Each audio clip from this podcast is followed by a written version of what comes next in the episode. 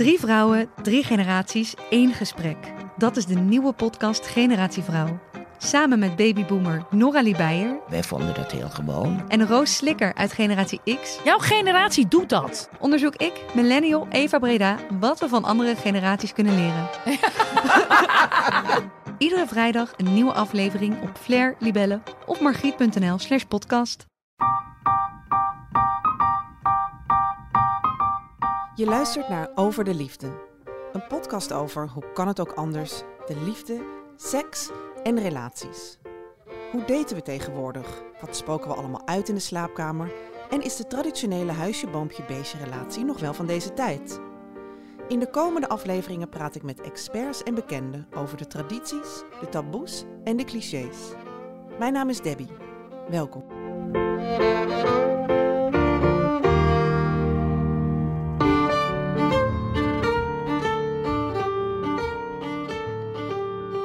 In deze podcast ben ik op zoek naar antwoorden over de liefde en de relaties in, ja, in alle soorten, vormen en maten. En ik ben eigenlijk vooral benieuwd naar wat zich buiten de eh, standaard hokjes en kaders afspeelt. In deze aflevering praat ik met een gast die gewend is om buiten die geëikte kaders te denken. Als het gaat om de liefde, maar vooral ook als het gaat om genderidentiteit.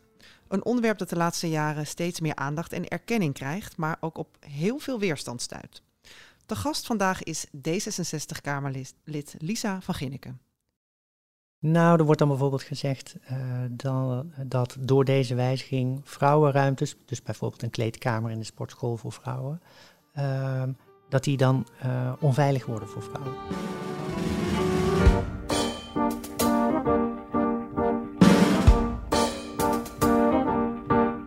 Lisa, mijn podcast heet Over de Liefde. Dus ik val maar meteen met de deur in huis.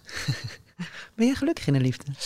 Ehm, ik ben hartstikke gelukkig. Ik ben op dit moment single en ik heb heel veel mensen om me heen van wie ik heel gelukkig word. Vind je het lastig om single te zijn? Nee, helemaal niet. Nee? Nee. Nou ja, weet je, de- het nadeel van single zijn, ehm, wat ik wel merk, is je mist de kleine huiselijke dingen Mhm. vooral. Mhm. Dat je s'avonds na een lange dag werken thuis komt en dat je denkt, hmm, als iemand anders nu voor mij dat potje thee had gezet, hoe fijn zou dat geweest Mhm. zijn? En dingen delen met elkaar? Nou, dingen delen, maar goed, dat kan je ook met, met vrienden en, en familie doen. Ehm, dus ik heb wel een aantal vrienden met wie ik heel veel dingen deel. Ja.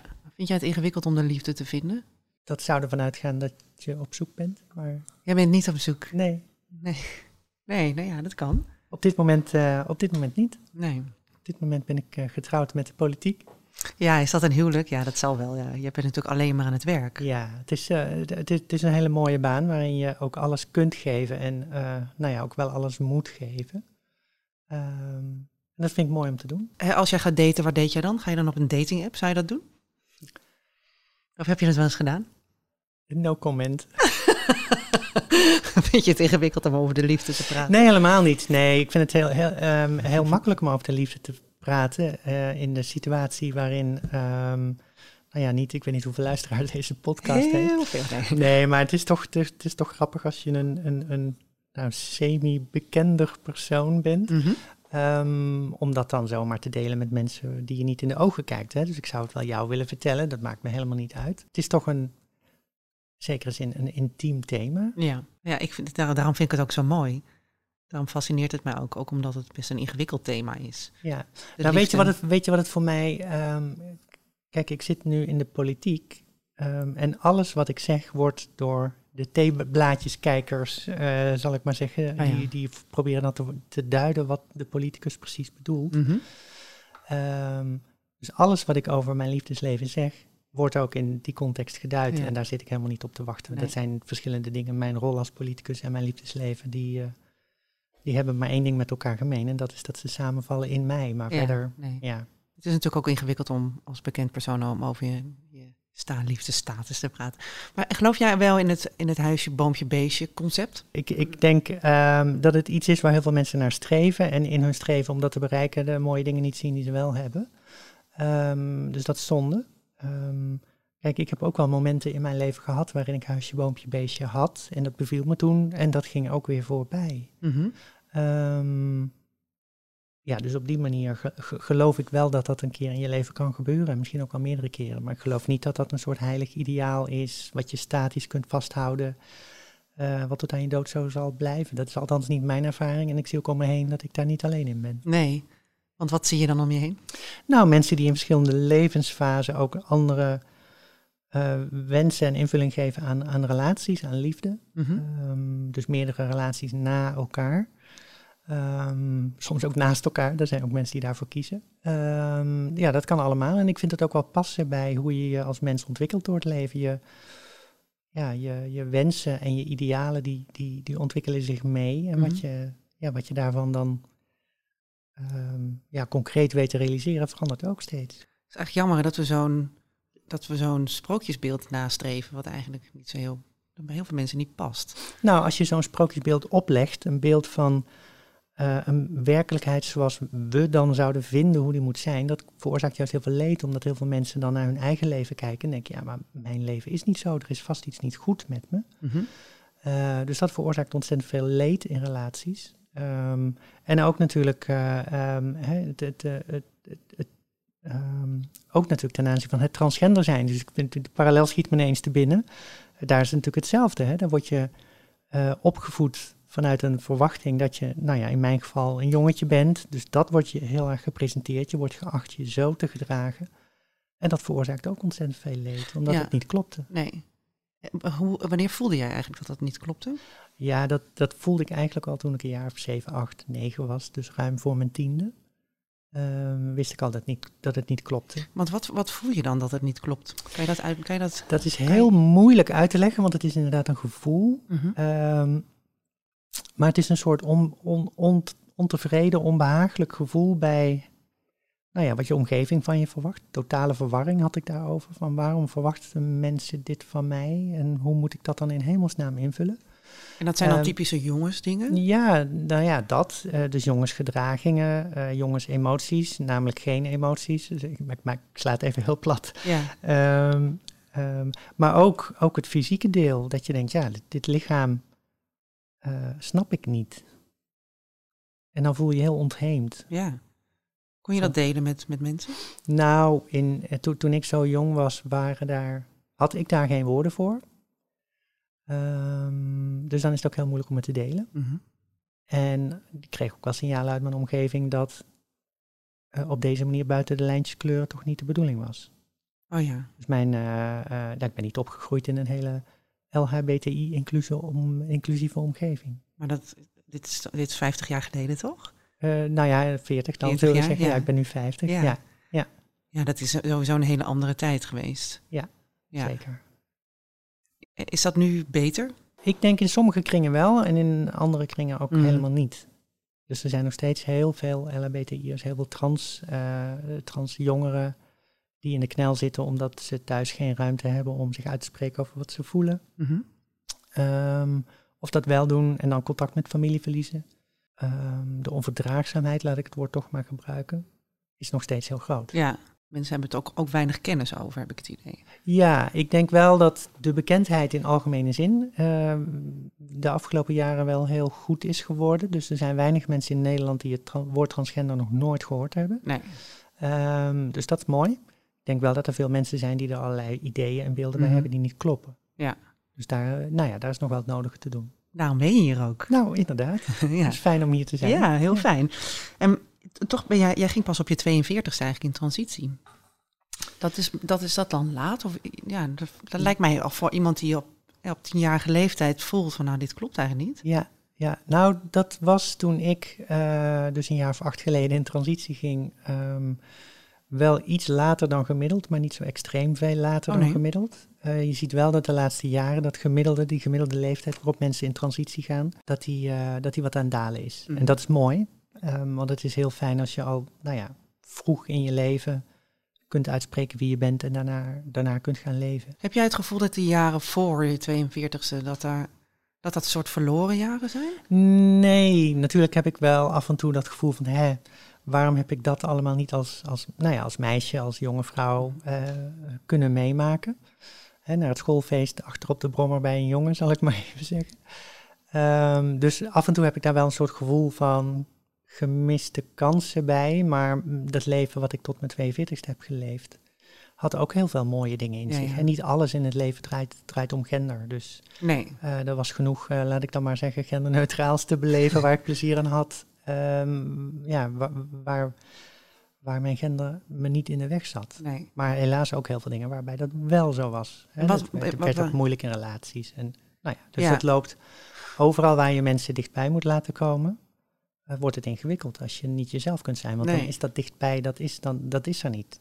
Want je kon dat dus niet aan jou, want je hebt een relatie, je hebt een, je hebt een zoon. Klopt. En je had een relatie en dat kon, je, dat kon je dus niet delen in jouw relatie destijds. Nou, daar ga ik verder niet veel, daar ga ik niks over zeggen. Nee, oké. Nee. Wa- Wat heeft jou destijds geholpen om die, om die keuze toch te maken? Want het lijkt me echt een ingewikkelde. Want je, bent er zo, hè, je loopt daar Ja. zo lang mee, je bent er zo lang mee bezig. Je loopt er echt tegenaan. En meerdere keren denk ik. En dus er moet toch ergens een kantelmoment zijn geweest. Nou, er is wel een kantelperiode geweest. Niet zozeer een moment, maar het was, ehm, ehm, nou ja, laten we zeggen een jaar of tien geleden, twaalf geleden, dacht ik, oké, eh, eh, als ik echt gelukkig wil worden in het leven, moet ik één ding eh, heel serieus nemen, dat is mezelf. Dus toen ben ik op onderzoek uitgegaan, zal ik maar zeggen, van ja, wat, wat voel ik nou precies en wat wil ik daar nou eigenlijk mee? Met name die laatste vraag was ingewikkeld. Want ik wist wel dat ik eigenlijk liever als vrouw of als meisje geboren had willen zijn. Maar wat is dan de consequentie van, Ja. van die conclusie? Dat, is, ehm, dat vond ik lastig, Mhm. omdat je natuurlijk het risico loopt veel dingen kwijt te raken. Dus ik heb daar ook even over gedaan voordat ik eh, de sprong durfde te, te, te wagen. Dus dat was in mijn geval echt een kwestie van moed verzamelen. Oh ja. Want waar kijk jij, keek jij toen het meest tegenop? In die tijd? Zijn het reacties van buitenaf? Of is het, ehm, is het iets bij jezelf dat je denkt, maar moet ik dit doen? Of is er een. Hè, wat is de grootste twijfel? Ik denk een combinatie van dingen. Reacties van buiten. eh, ook de vraag van, ehm, ik weet niet zo goed wat ik ga krijgen na mijn transitie. Ik heb daar wel een idee bij en een verwachting bij. En dat voelt goed, maar of dat nou eigenlijk klopt, geen idee. Dus het is in, in, in dat opzicht iets wat je pas kunt ervaren als je de stap zet. Ja. En dat is natuurlijk heel gek. Is die, is dat, is die belofte, is het gevoel ingelost eigenlijk? Eh, Zeker, dubbel en dwars. Ja, Ja, wat goed. Ja. Wat fijn. Dus en, en wat zou je dan je, je jongere zelf willen adviseren? ja, ja, ja. Oh, ja. Nou, ehm, Zoveel. Heel veel. Ehm, maar ik zou mijn jongeren zelf in elk geval zeggen: ehm, blijf trouw aan wat je voelt en aan wie je bent. Mhm. En hou vol, want het komt goed. Dus dat zou je ook aan jonge mensen willen meegeven. Ja. ja, blijf echt trouw aan wie je bent. ja, ook al is dat toch ook een lastige, je weet het ook niet altijd 100%. Nee. Dus dat is natuurlijk wel een, moeilijk advies. Wees trouw aan wie je bent, dus ook, ja, dat kan ook Maar dat- diffuus zijn. Ja, maar dat betekent dus ook dat je eh, dus de ruimte mag nemen, moet nemen misschien wel, als je trouw bent aan jezelf, ehm, om dingen te onderzoeken. Dus ruimte om te onderzoeken, wie ben ik nou? Kan ik eens wat dingen uitproberen en ervaren hoe dat voelt? En wat zegt dat dan? En, en kan je dat concreet maken, dingen uitproberen? Wat bedoel je daar dan Nou, mee? ik, heb, ik zal het op mezelf betrekken. Ik heb in mijn, mijn zoektocht heb ik een tijdje ehm, nou ja, een dubbel leven geleid als man en als vrouw. Ehm, dat noem ik altijd liefkozend mijn stageperiode. Ehm, Wat leuk. en ehm, nou ja, dat geeft dan toch een gevoel van hoe het is om als vrouw te leven. Ja. Dus ik ben in die periode ook vrijwilligerswerk gaan doen als vrouw. Omdat je dan gewoon ja, een onderdeel bent van de samenleving en werk doet en collega's hebt. En ja, dat gaf mij wel goed gevoel, ja, gevoel over hoe dat dan zou zijn in de dagelijkse praktijk. Maar het lijkt me ook doodeng om dat voor het eerst te doen. Dat is het ook. Ja. Ja, En, en ook om dat geheim te houden. Lijkt me ook ingewikkeld. ja. ja dat is Hoe het, dat is het ook dat? allemaal. Ja, jeetje, ja. Nou, ehm, ja, dat is, dat is ingewikkeld. En op een gegeven moment ga je mensen natuurlijk eh, meenemen in dat proces. En die, de kring ge- getrouwen en geïnformeerde mensen, die wordt Ja. steeds groter. En op een gegeven moment ben je dan op het punt dat je zegt, eh, oké, nu gaat de knop helemaal om. Mhm. Zo is het bij mij gegaan in elk geval.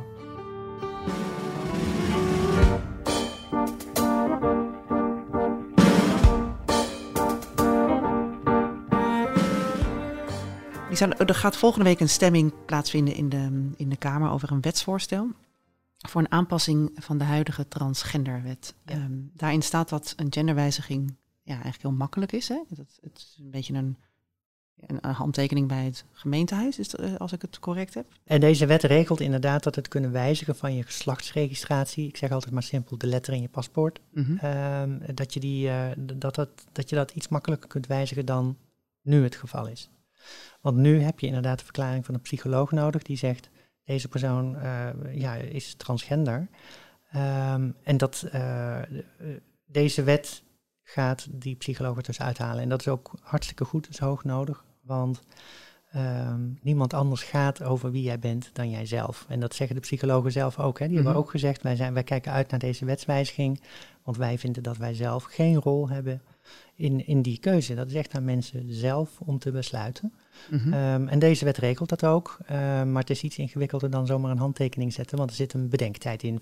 Vier tot twaalf weken eh, moet je wachten. Dus je doet eerst een aanvraag en dan moet je na die periode je aanvraag bevestigen. En pas dan, ehm, ja, pas dan kun je je geslachtsregistratie wijzigen. Ja, en dat gaat dus eigenlijk zonder, ja, zonder dat iemand daar met een professioneel oog naar moet kijken. Want wat is daar eigenlijk, wat is daar, wat is daar zo lastig aan? Wat is daar vervelend aan?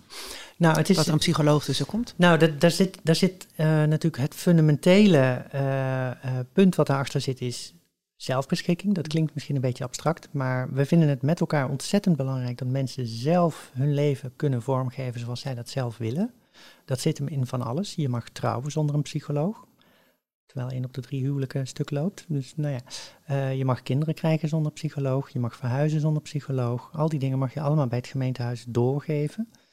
Ehm, en daar kijkt er niemand mee, daar ben je zelf verantwoordelijk voor. En zo hoort het ook te zijn. Hè? Dat staat ook in allerlei mensenrechtenverdragen.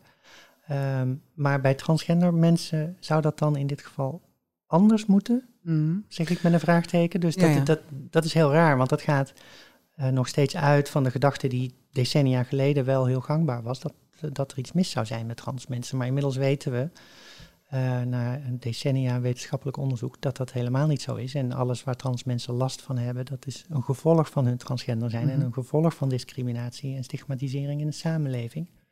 Dus ehm, Maar de consequenties van een wijziging in je paspoort, dus eigenlijk een genderwijziging, is Mhm. natuurlijk wel wat groter dan, eh, ja, dan de andere dingen die je opnoemt. Of is dat niet zo? Nou, dat weet ik niet. Ik denk dat het krijgen van een kind een behoorlijk ingrijpende gebeurtenis is in het leven van het kind en ook in het leven Mhm. van de ouders. Ehm, ehm, maar ik weet ook, ja, er, er wordt natuurlijk wel, ehm, er, er, er worden wat angsten uitgesproken over deze wet. Dat die allerlei gevolgen zou hebben voor met name vrouwen. En wat zijn die angsten? Nou, er wordt dan bijvoorbeeld gezegd eh, dan, dat door deze wijziging vrouwenruimtes, dus bijvoorbeeld een kleedkamer in de sportschool voor vrouwen, ehm, dat die dan eh, onveilig worden voor vrouwen. Mhm. Snap je dat? Ehm, nou, ik snap best dat iemand die gedachte krijgt van hé, hey, maar wat doet dat dan met de toegang tot dit soort nou ja, vrouwenruimtes? Mhm. Vind ik helemaal niet zo'n rare gedachte. Het is een hele valide vraag.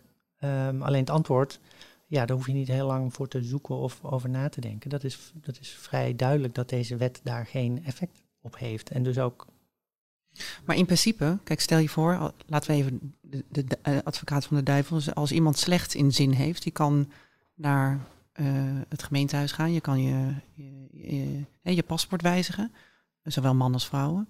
Ehm, en zonder uiterlijke, eh, zonder uiterlijke veranderingen, ehm, en dus naar een kleedkamer of een toilet of een, Ja. hè, dus dat kan. dat kan. Ja, ja, dus ik probeer mij voor te stellen hoe dat dan zou zijn. Hè? Dan is er Mhm. een eh, mannelijke verkrachter, laten we het maar gewoon zo noemen. Mhm. Die denkt, hé, hey, ik wil die sportschool, dan wil ik de vrouwenkleedkamer in en dan wil ik, eh, wil ik aan vrouwen gaan zitten. Die gaat dan naar het gemeentehuis. Die zegt, ik wil mijn geslachtsregistratie wijzigen. Die moet twaalf weken wachten. Daarna kan hij zijn geslachtsregistratie wijzigen. Dan moet hij een nieuw paspoort aanvragen. Ehm, zijn kinderen en eh, partner en ouders krijgen thuis een brief eh, dat deze persoon diens geslachtsregistratie heeft gewijzigd. Ehm, nou, kortom, we zijn, eh, we zijn vier, vijf maanden verder. Dan heeft die persoon, die mannelijke verkrachter, heeft dan een paspoort met een V. Dan heeft hij dus al die tijd zich in moeten houden om niet die vrouwenkleedkamer in te gaan. En dan gaat hij die vrouwenkleedkamer in. Niemand vraagt om dat paspoort. Hij had daar van tevoren zo in kunnen lopen en had zo vrouwen kunnen. Maar dan was hij wel terug, eh, als er een man een vrouwenkleedkamer binnenloopt, dan, dan zijn de rapen wel gaar, dan, dan word je eruit gegooid. Ja, maar dat staat dus los van, eh, van deze wetswijziging. Het staat Mhm. los van de wijziging van eh, de geslachtsregistratie. Het is inderdaad zo als er een man zo'n vrouwen- vrouwenkleedkamer inko- inkomt, dat er dan wel alarm geslagen wordt. Ja. Ja. ja. Ja. Ehm, kijk, en het is natuurlijk heel triest dat het zo is dat vrouwen zelfs in vrouwenkleedkamers kwetsbaar zijn. Niet alleen voor mannen die grensoverschrijdend gedrag uh, vertonen, maar ook andere vrouwen kunnen dat ook doen. Hè? Dat wordt ook wel eens vergeten. Um, dus die kwetsbaarheid is natuurlijk iets, iets triest waar we met elkaar ook echt voor moeten zorgen dat, uh, uh, nou ja, dat we vrouwen beschermen. Um, maar kwaadwillende maar mannen hoe dan? die. Want hoe, want, ja, want hoe dan? Hoe doe je dat dan, dat beschermen? En kwaadwillende mannen, snap, ik snap je punt hoor, want die, die zullen er altijd zijn en die zullen altijd... Die hebben deze wet niet nodig om, om hun ding te doen. Nee, maar die kunnen wel... Um, ja, die mogen dus wel officieel die, die, de, de kleedkamer binnenlopen. Ja, maar dus hoef je nog niet iemand te verkrachten. Hè? Laten we dat gaan. We gaan dan ja. van het allerergste uit dat iemand een verkrachter is. Maar ja, ja je kan ook een, iemand hebben die, um, ja, die graag naar vrouwen kijkt. Ja, maar ongeacht uh, wat die persoon in diens paspoort heeft staan en hoe die daar aan die letter is gekomen. Of dat zoals in mijn geval met een psycholoog is of uh, straks na deze wet zonder psycholoog. Iemand die zich niet gedraagt, die gedraagt zich niet. En die spreek je aan. En uh, als die persoon niet uit zichzelf vertrekt, dan, uh, dan, haal je de beheerder erbij van de sportschool, om even bij dat voorbeeld te blijven. Ja, laten we even hierbij blijven. Um, kijk, um, uh, en op die manier los je dat op. Dat gebeurt nu ook bij mensen die zich niet gedragen in, in, ja, in collectieve ruimtes. En dat verandert niet. Dat moeten we met elkaar blijven doen. Ja, maar toch denk ik dan, oké, okay, als, er, als ik met een, een klas meisjes van 13 en er komt een man binnen en die, zijn die, die, die een wetswijziging heeft, dus die mag officieel naar binnen. Ja, dat mm -hmm. is natuurlijk niet heel prettig voor die meisjes. Nee, nee. kijk, en... Um, um, want hoe ondervang je dat soort, want eh, onder, hoe ondervang je dat? Nou, dat ondervang je, um, dat ondervang je niet door uh, trans mensen collectief hun zelfbeschikkingsrechten ontnemen. Dat ondervang je door zo iemand erop aan te spreken. Want nogmaals, los van wat er uh, in diens paspoort staat, uh, als er iemand die zich heel duidelijk mannelijk voordoet, een ruimte binnenkomt waar allemaal 13-jarige 13 meisjes staan, dan zijn er twee problemen. Uh, de man is in de verkeerde kleedkamer mm -hmm. en het leeftijdsverschil is ook nog eens extra intimiderend mm -hmm. groot. Dus die meisjes die zijn driedubbel kwetsbaar. Um, uh, dus um, ja, als dit gaat over bijvoorbeeld een schoolklas die uh, op het zwembad is, dan hoop ik dat er toezicht is en dat die meisjes daar niet aan hun lot overgelaten zijn. Ja. Uh, zoals we dat gewend zijn om te doen. Dat gebeurt nu ook al. Ja. Um, dus al die dingen die we nu doen om kwetsbare uh, kinderen in dit voorbeeld, maar ook nou ja, vrouwen, alle vrouwen vrouw, ja. te beschermen, die, die hebben we straks ook nog nodig. Mm -hmm. um, en die hebben we niet meer nodig. Want we weten ook, de, de wet die nu voorligt hier in Nederland, die bestaat al in heel veel landen om ons heen. Hè? Dus, okay. dus Ierland, Noorwegen, Denemarken, België, Zwitserland, Malta. In Duitsland zijn ze ermee bezig, in Portugal, Spanje. In Argentinië bestaat die wet al meer dan tien jaar. Waarbij zonder psycholoog iemand dus de letter in het paspoort kan wijzigen. En in al die landen is niet gebleken dat er een toename is van geweld richting vrouwen in vrouwenruimtes. Dat hele het, het, het genderidentiteit en, en het debat is best ingewikkeld, vind ik. Nee, jij zit natuurlijk heel diep in de materie, maar ik heb het er best wel er wordt veel over gesproken. Mm -hmm. Ook in mijn vriendengroep hebben we het er best wel veel over. Het is interessant, maar ook ingewikkeld. Wat vind je er ingewikkeld aan? Um, nou, er zijn. Um, ik, vind, ik vind er ingewikkeld aan dat, er, uh, dat het een best een polariserend uh, gesprek is geworden. Dus mensen zijn heel snel uh, op hun tenen getrapt aan beide kanten. Dus het is heel snel, bam, het gaat mm -hmm. heel snel hard. Dus dat vind ik ingewikkeld. Ook deze tijd natuurlijk. Um, en we zijn natuurlijk zo geconditioneerd als je niet daar met het thema bezig bent, om in gender te denken, aan ja. man-vrouw. Ja. Dus dat maakt, het een, dat maakt het soms ingewikkeld. Ik herken wel wat je zegt, hè, dat er uh, aan beide uiteinden van het, uh, van het spectrum zijn, zijn, uh, zijn mensen die zich helemaal hebben ingegraven. Zowel de, de, de, de pro-inclusie mensen als de tegen mensen. Ja, daar schieten we niks mee op. Nee. die mensen gaan we ook niet overtuigen. Uh, helaas. Dat is, um, maar we hebben daar niks aan. We moeten dit met elkaar doen. Um, en dat betekent ook dat je aan beide kanten een beetje begrip voor elkaar moet hebben. Ja. Dus dat betekent ook, ik zei het net al, dat um, transvrouwen in een vrouwenkleedkamer, als ze nou ja, misschien een lichaam hebben wat andere vrouwen ongemakkelijk vinden als er nog een piemel is, dat ze daar discreet mee omgaan, lijkt me een hele praktische manier om rekening met elkaar te houden. Uh, maar ook als het gaat om, uh, om, om het gebruik van taal. Uh, heel veel mensen in onze samenleving zijn uh, zo gewend aan het denken in mannen en vrouwen en er zit niks tussen of boven of onder, dat het dan heel moeilijk is om woorden te gebruiken om ook de niet-binaire trans mensen mee te nemen. Mensen die zich niet nadrukkelijk vrouw voelen of niet nadrukkelijk man voelen, maar allebei of geen van beide.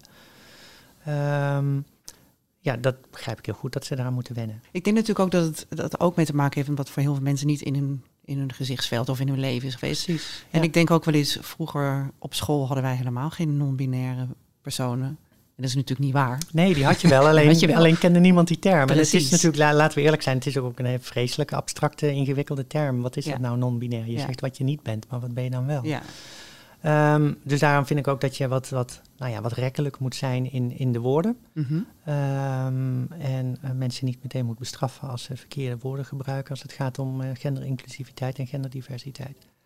Ehm, want het zijn heel snel abstracte woorden. Hè? Ik, Ja. spreek, ik spreek ze uit omdat ik ze heel vaak heb uitgesproken. Maar genderinclusiviteit, genderdiversiteit. wauw. Ja. Wauw, dat zijn we nogal eh, woorden. Wat, Ja. wat, wat betekent dat nou eigenlijk precies? Ja. Hè, dus ehm, eh, ja, dat betekent gewoon veelkleurigheid in geslacht. Punt. En dat is er gewoon, dat is er altijd geweest. Is er bij mensen, is er bij dieren ook. Eh, dus dat is hartstikke biologisch en eh, onderdeel van, eh, van evolutie. Ehm, en daar, ja, dat, daar, dat, dat, dat is in onze samenleving nu veel zichtbaarder geworden. En we hebben er langzaam maar zeker wat woorden voor. Mhm. En we zijn er met elkaar over in gesprek. En dat is goed, het is er altijd geweest. En nu mag het er ook officieel zijn. En dat gaat deze wet nog beter regelen. ja, precies.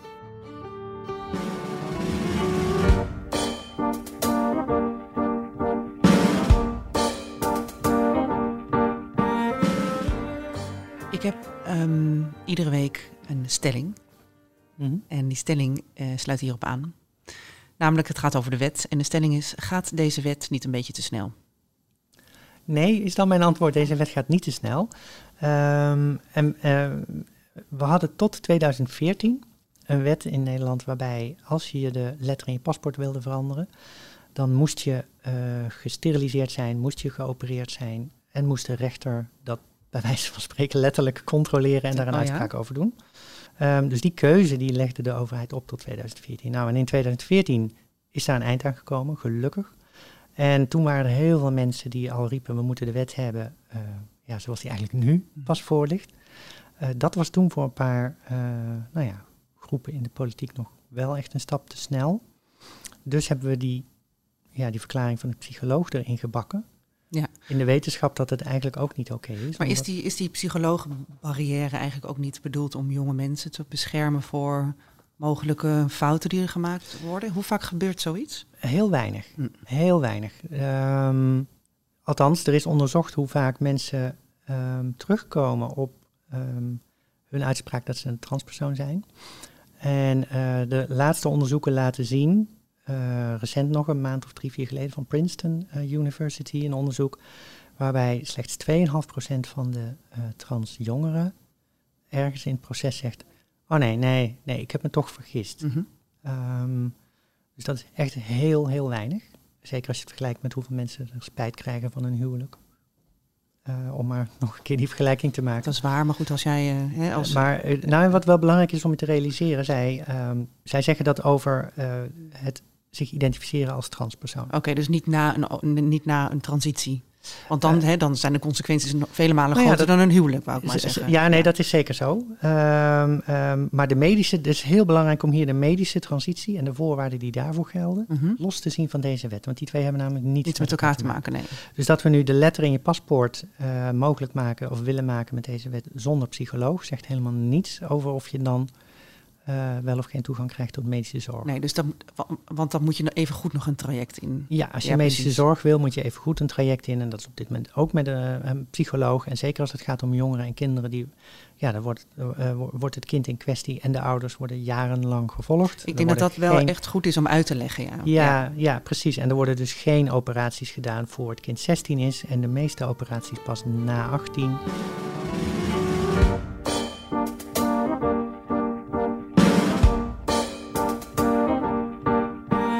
We hebben nog eh, ten, s- al- al- ter afsluiting of tenslotte een, ehm, een lezersvraag. Ehm, de lezersvraag is, beste Lisa, toen jij in transitie ging, kreeg je toen vooral positieve of negatieve reacties? En hoe ben je hiermee omgegaan? Mooie vraag, mooie vraag. Ja, Ehm, ja ik kreeg zowel positieve als negatieve reacties. En eh, ja, ook van heel dichtbij. Dus mensen in mijn directe omgeving die positief reageerden en mensen die negatief reageerden. Ehm, en dat laatste snap ik ook wel, hè? zeker als mensen heel dicht bij je staan. Uh, ik ging in transitie, maar ik dwong eigenlijk mensen in mijn omgeving daardoor uh, om ook in transitie te gaan. Hè, die moesten zich op een andere manier aan mij, tot mij gaan verhouden. Die ja, ja. kregen ineens een andere relatie met mij. Ja. Een vriend werd ineens een vriendin, een zoon werd ineens een dochter. Uh, hè, om, nou ja, je kunt de voorbeelden wel uittekenen. Um, en ja, daar heeft iedereen ook ja, tijd voor nodig. En bij de Mhm. ene gaat het sneller dan bij de ander. Dus ik vind het belangrijk dat je als transpersoon, als je in transitie gaat, dat je probeert je uh, nou ja, zo goed mogelijk ehm, je omgeving daarin mee te nemen. Dat je zo goed mogelijk probeert voor te stellen, ja, het is voor hun ook moeilijk. Ja. Um, ook al is het voor jou als transpersoon veel ontregelender dan voor hen, maar uh, ik probeer ze daarin mee te nemen en heb geduld en nou, blijf ze wel steeds een zetje geven van kom, ja, ik ga door, dus je moet echt wel, wel met me mee. Mhm. Um, maar gun ze ook ruimte voor twijfel en verdriet Ja. en aarzeling. Ja. En dat is ook hartstikke logisch. Ja. Dus, eh, Kijk, ik, ik vertelde daar straks dat ik zelf ook heel lang heb geaarzeld voor ik Ja. deze stap zou zetten. mhm. Uh, het zou heel raar zijn als ik dan eenmaal de stap zet dat ik dan anderen geen aarzeling gun, terwijl ik zelf best lang heb geaarzeld. Ja, zeker. Maar dan moet je, wel, eh, dan moet je dat geduld wel kunnen opbrengen. Ja, ja. en dat is, was natuurlijk ook niet altijd makkelijk. Nee, dat Nee. lijkt me niet. Zeker omdat je er zo lang over... Je kan het ook andersom beredeneren. Van, joh, ik heb er zo lang over gedaan. Ik wil graag dat jullie met me meegaan. Ik heb Ja. al zo lang gewacht hierop. Ja, maar ik wilde het wel doen um, op een manier dat ik mijn omgeving zoveel mogelijk met me, ja, met me mee zou nemen. Ja. Omdat die me toch dierbaar was Je naaste en liefde. is. Ja, Ja. ja. precies. We hebben Dus, het toch over de eh, liefde. hè? We moeten het afsluiten op de liefde. Ja, ja, nou inderdaad. En alle mensen uh, die me heel dierbaar zijn en voor wie dat omgekeerd ook zo geldt, die, uh, die zijn gelukkig met me meegegaan.